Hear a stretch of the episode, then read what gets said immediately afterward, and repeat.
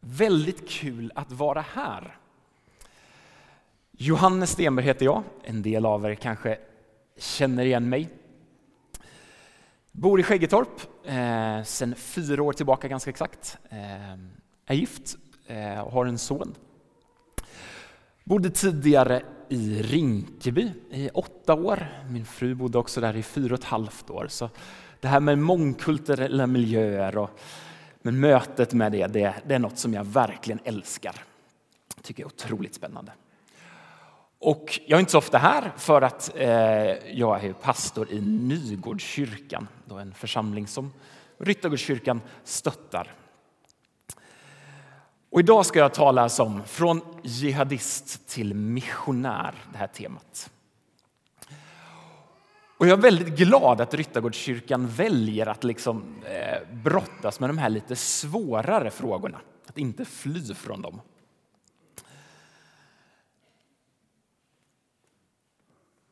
Alltså, religiös extremism, nationalism, religionsmöten, det är svåra frågor.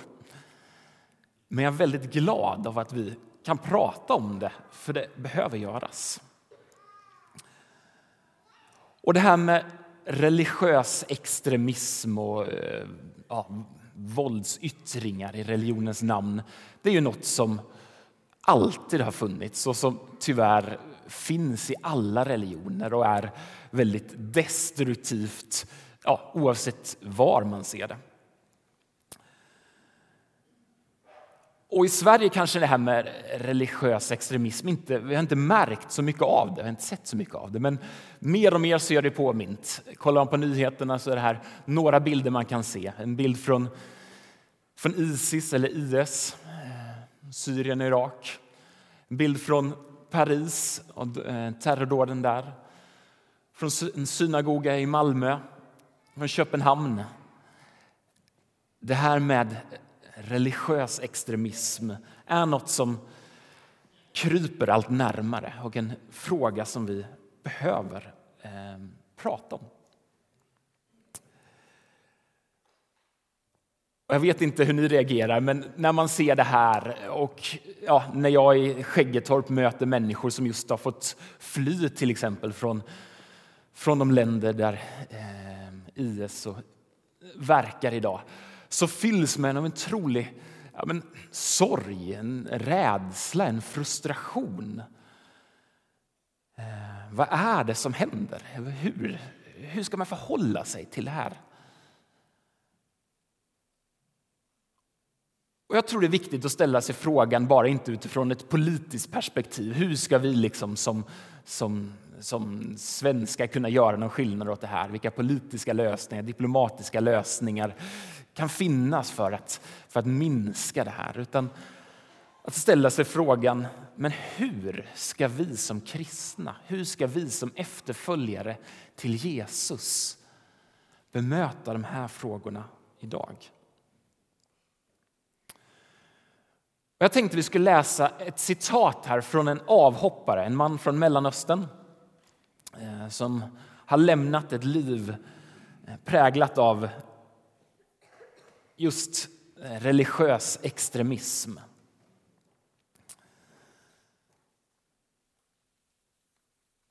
Han skriver så här. Jag var fylld av hat och mordlust och ville ta livet av varenda kristen. Jag förföljde de kristna, jagade dem överallt, band dem, satte dem, både män och kvinnor, i fängelse. Jag gjorde allt för att utrota dem. Jag bröt mig till och med in i deras hem och släpade ut män och kvinnor och satte dem i fängelse. Överallt använde jag tortyr för att försöka få de kristna att förbanna Kristus. Jag var så bitter motståndare till dem att jag till och med förföljde dem i avlägsna städer i främmande länder. Jag kan ta nästa här. Jag gjorde allt jag kunde för att utrota dem. Jag var en av de mest fanatiska i min egen ålder som fanns i landet när det gällde tron.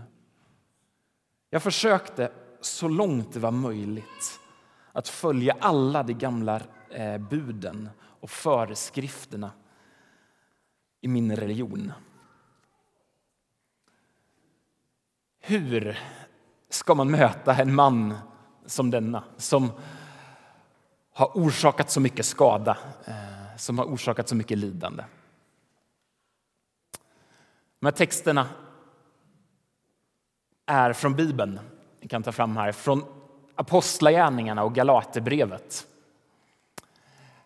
De här texterna handlar om Paulus, hur han, en religiös extremist, en våldsam man förföljde de kristna.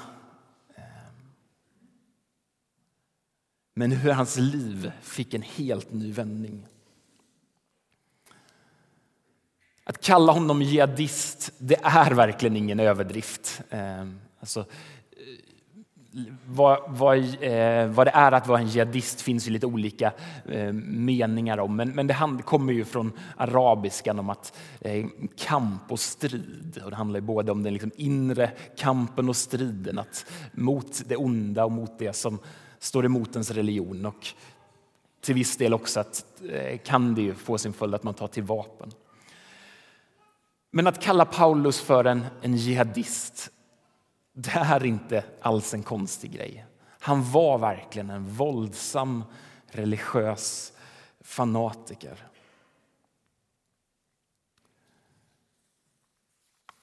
Men han blev en av kyrkans absolut största ledare. Han har skrivit 13 av de brev vi har i Nya testamentet. Han har präglat oss alla väldigt mycket. En jihadist. Jag tänkte vi ska läsa en text nu, när, texten från Apostlagärningarna 9, när Paulus, om Paulus omvändelse.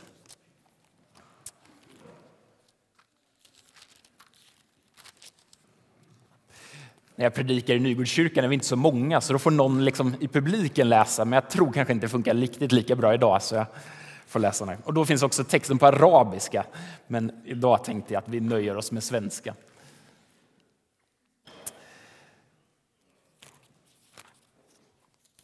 Apostlarna var det ju.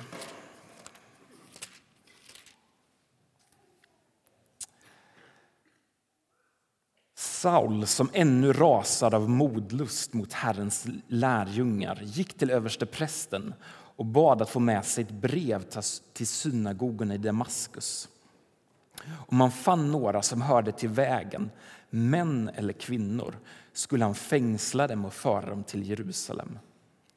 När han på sin resa närmade sig Damaskus omgavs han plötsligt av ett bländande ljussken från himlen.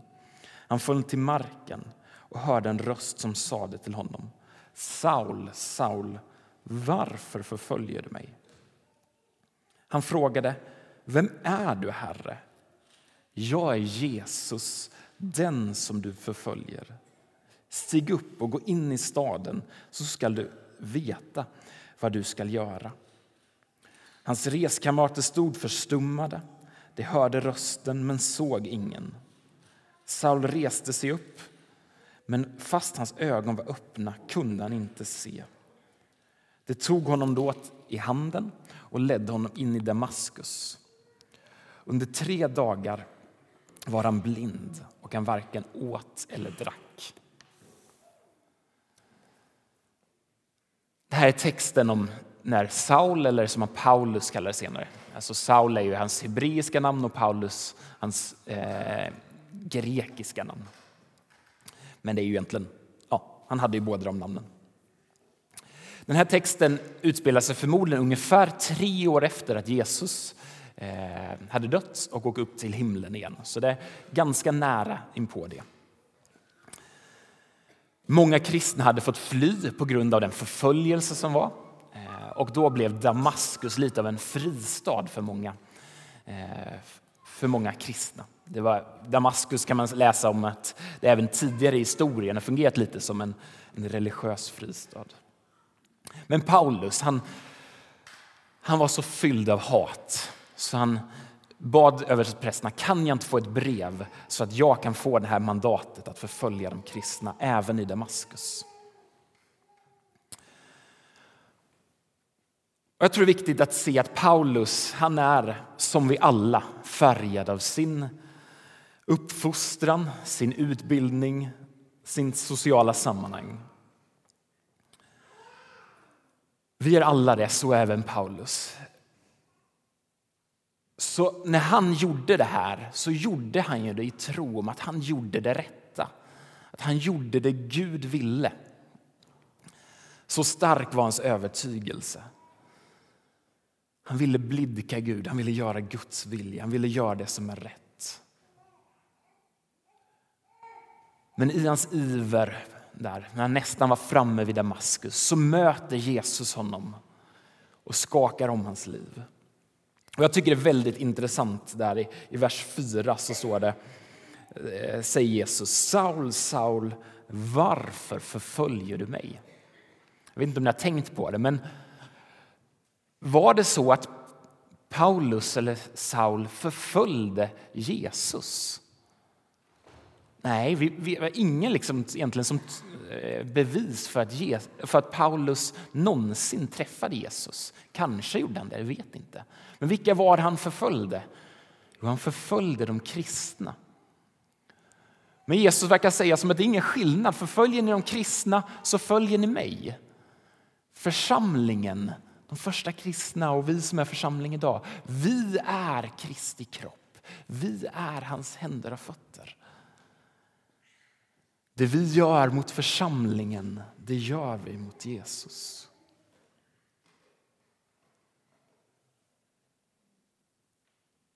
Hur kunde en jihadist, en extrem religiös fanatiker, en extremist bli en kristen ledare? Jo, Jesus skakade om hans liv, mötte honom och förvandlade.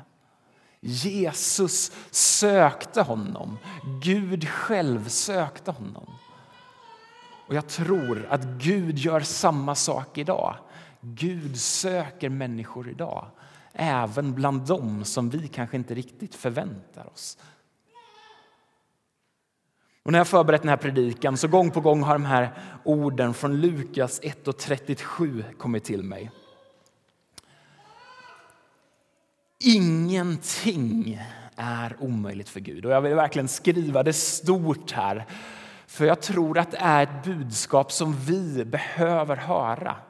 När vi fylls av rädsla över terrordåd, när vi fylls av, av skräck eh, över människor som, som väljer att gå en så en extrem väg, att liksom låta religionen förblinda dem så.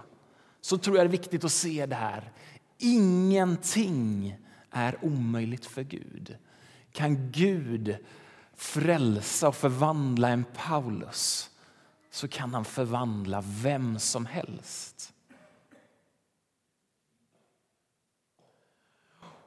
Jag vet inte hur det är med er med den här texten, men jag tror att många av oss lätt kan tänka att det här är en underbar berättelse, men det hände ju för länge sedan och vi tänker att det är liksom bara en del av historien. Men Gud frälser jihadister idag. Det finns en hel del Paulusar som kommer till tro idag. Jag har haft förmånen att eh, och liksom kolla på en del filmklipp. Eh, något av de här tror jag kommer senare här i Rikusserien. Det här är några från olika länder. Från Turkiet, från Egypten, från Nigeria, från Indonesien. Muslimer som får sina liv totalt förvandlade av Jesus. Jesus förvandlar liv idag. Och även i Linköping och Sverige förvandlar Jesus människors liv idag. Människor av annan tro får möta Jesus. Visst, det är inte i jättestor antal, men det är ändå en rörelse man kan se hur Jesus möter människor och förvandlar. Är det inte intressant att Jesus mötte Paulus på vägen till Damaskus i Syrien? När vi idag slår på tvn, vad är det då vi ser? Jo, men vi hör om extremister från Syrien på väg mot Damaskus. Om Jesus kunde förvandla Paulus på väg till Damaskus så kan han göra det idag. Och han gör det. Han förvandlar massor av människors liv idag. Och jag är så glad att jag har fått möta en hel del människor som har lämnat den religionen de följde för ett liv med Jesus. Konvertiter. Både i Rinkeby, där jag bodde tidigare, hade vi flera i vår församling som fick lämna dem, de länder de bodde, lämna hela sin släkt för ett liv med Jesus. Även här i Linköping har jag fått möta människor som har fått möta Jesus, som följde en annan tro men får sina liv förvandlade av Jesus. Det har fått väldiga konsekvenser för dem. Men den glädjen av att ha funnit Jesus är så mycket starkare än det lidande och utmaningar som blir en konsekvens av det här. Så låt inte den här texten om Paulus bara bli någonting som vi gläds åt att, att Gud gjorde så för närmare 2000 år sedan. Nej, Jesus förvandlar jihadister idag. Låt oss sträcka oss efter det, låt oss tro på det. Vi ska fortsätta kolla på den här texten, men nu ska vi kolla på ett filmklipp här där det här tas upp. Där Paulus får möta Ananias. Det här är alltså lite senare i Apostlagärningarna 9. Berättelsen om Paulus hade kunnat stanna vid att han kom till eh, Raka gatan i Damaskus. Men det gjorde inte det, för det fanns en man som hette Ananias som var villig att möta honom. Där Ananias nämns bara i, i samband med Paulus omvändelse. Så mycket tyder på att han var inte en av de stora ledarna, han var inte en stor apostel. Han var en ganska vanlig kristen om man får kalla honom så. Men han har fått utstå lidande för sin tro. Han hade fått ja, utstå den förföljelse som var. Och jag tror att han på många sätt liknar många av dem från Mellanöstern som vi möter i Sverige idag. Människor som har fått fly för sin tro på grund av förföljelse, vad andra velat göra mot kristna där. De har fått se konsekvenserna av religiös extremism och fått se det i sina liv, i sina vänners och släktingars liv. Och jag förundras över Ananias, trots att han utstått allt det här ja, lidandet, trots den här risken att möta den här jihadisten Paulus. Så möter han honom och kallar honom broder. Han bjöd hem honom till sin familj. Han gjorde honom till sin familj. Han vågade lita på den som nyss hade liksom varit del av ett, ett krig mot de kristna. Vilken hjälte! Var hade Paulus varit om det inte vore för Ananias? Och senare i Apostlagärningarna i vers 26-28 så möter vi en annan person som fick betyda jättemycket för Paulus också. Texten kom upp där.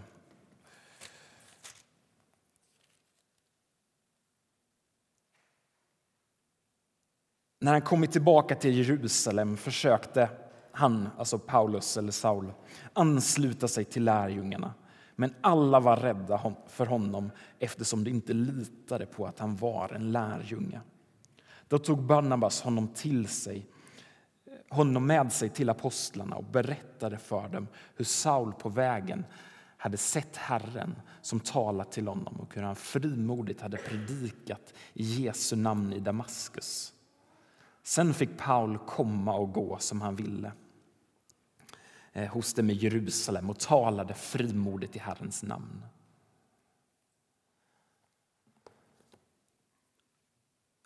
Tänk vilken skillnad det gjorde att det fanns kristna som vågade ta en risk och tro på den där för detta jihadisten. Människor som valde att bli andliga fäder för denna Paulus. Och Det är så intressant när man läser Apostlagärningarna. I början står det alltid Barnabas och Paulus. Sen efter lite tag så skiftar det och så blir det Paulus och Barnabas. Den andlige fadern låter sin son tränar upp honom men låter honom få springa förbi honom. Låter honom få bli den store ledaren.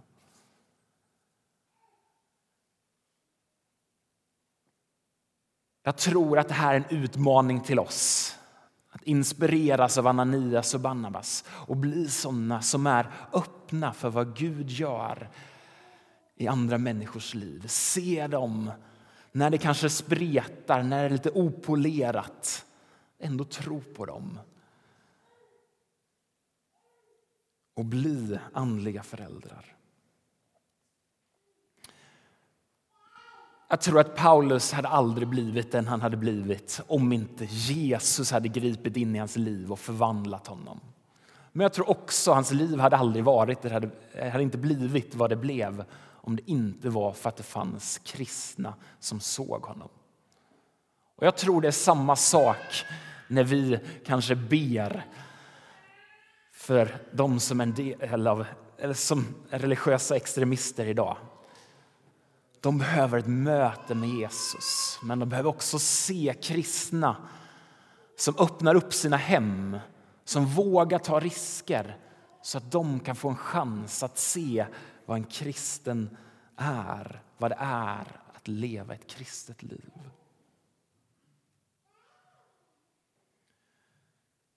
Så låt inte den här berättelsen om Paulus bara bli någonting som ligger i historien. Utan låt det bli någonting som vi får greppa tag i idag och be för dem som idag är på väg till Damaskus för att förfölja de kristna, både i bildlig och bokstavlig bemärkelse. Låt oss greppa tag i den Gud som säger att ingenting är omöjligt. Och kanske känner du en stor rädsla inför religiös extremism då tror jag vi idag har ett tillfälle att bekänna det för Gud, släppa den rädslan och be att Jesus fyller oss med tro. Tro på att hans makt är så mycket större än det onda som skrämmer oss. Och jag vill utmana oss alla att våga öppna upp våra hem till dem som har en annan tro. Så att de kan få se vem Jesus är genom våra liv. Låt oss ta risker, ta, släppa vår bekvämlighet. Det kommer kosta på, men det kommer också berika oss något enormt. Vi ska nu fortsätta lovsjunga Gud tillsammans. Vi ska ha bönestationer. Och som passa på eh, och ta förbön. Där borta kommer förebedjare finnas. Gå gärna dit. Om det är någonting i den här predikan som har berört dig eller något annat så finns de där. De är förberedda för att be tillsammans med dig. Kanske är det någonting du behöver liksom bekänna inför Jesus. Då har du chansen här vid mattan. Falla ner för korset. Sträcka dig mot Jesus. Låta honom få fylla dig med tro. Lämna det som är bakom. Du kan också tända ett ljus som en bön för att du vill att Kristus ljus ska få bli mer synligt i ditt liv, i vår värld. Så vi tar en stund då vi lovsjunger Gud tillsammans, då vi ber tillsammans. Tack Jesus att du mötte Paulus.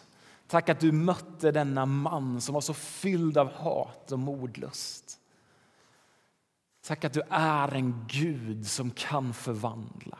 Och jag ber att det ska få drabba oss idag. Drabba oss vem du är, drabba oss av din storhet. Jesus, tack att du söker människor idag. På samma sätt som du sökte Paulus så söker du människor idag. Låt oss förstå vad du gör. Låt oss få hänga på dig i det du redan gör. Tack att du vill möta oss den här stunden.